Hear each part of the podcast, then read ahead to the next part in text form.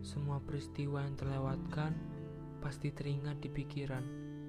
Tiap waktu yang mengabariku tentang keberadaanku, terima kasih telah menjadi teman, sahabat, dan orang yang bisa menjadikan diriku bisa terus menjalani hidup dengan tidak sendiri lagi.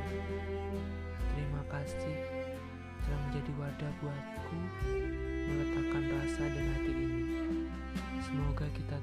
selalu dapat bersama.